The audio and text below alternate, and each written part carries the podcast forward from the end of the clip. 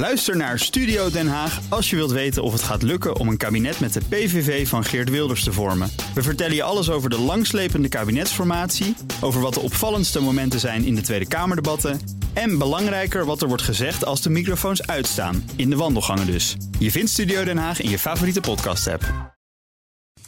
De column van Bernard Hammelburg. Amerikaanse presidenten omzeilen het parlement regelmatig via decreten. Barack Obama deed dat 276 keer, Donald Trump tot nu toe 109 keer. Misschien is dat de inspiratie voor Boris Johnson, die zijn uiterste best doet het Britse parlement buitenspel te zetten. Obama gebruikte destijds een parlementaire recess om Obamacare door te drukken. Trumps allereerste decreet op de dag van zijn inauguratie, ook een recess, was een procedure om Obamacare af te schaffen. Wie kent inmiddels niet de op een elektrocardiogram gelijkende handtekening van de Donald onder decreet na decreet? Voor de duidelijkheid, er is allemaal niets illegaals aan, het mag, want ook het net van democratische wetten kent mazen. Brexit Boris heeft een democratisch vacuüm nodig om zijn belofte, uiterlijk op 31 oktober uit de Europese Unie, waar te maken. Dus vroeg hij de koningin om in oktober een troonrede te houden en kondigde een daaraan voorafgaande verdaging van het parlement aan. Lagerhuis een maand uitgeschakeld, beetje lang, maar het mag. Dat was truc 1.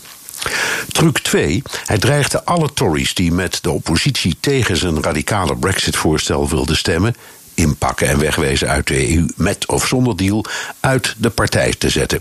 Zijn eigen conservatieve partij dus.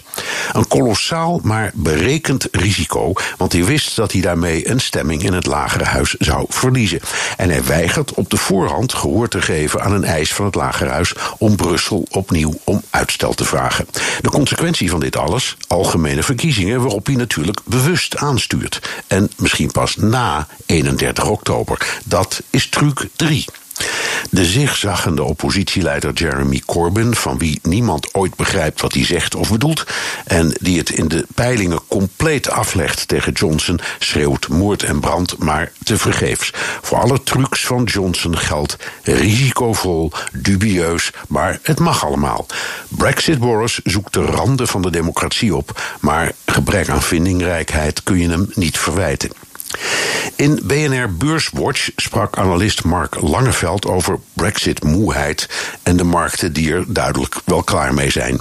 De markt heeft altijd gelijk en wacht terecht hoe het Brexit-vuilleton afloopt. Maar het gemarchandeer met de democratie om het Britse volk een gedrocht door de strot te drukken, dat blijft een adembenemend schouwspel.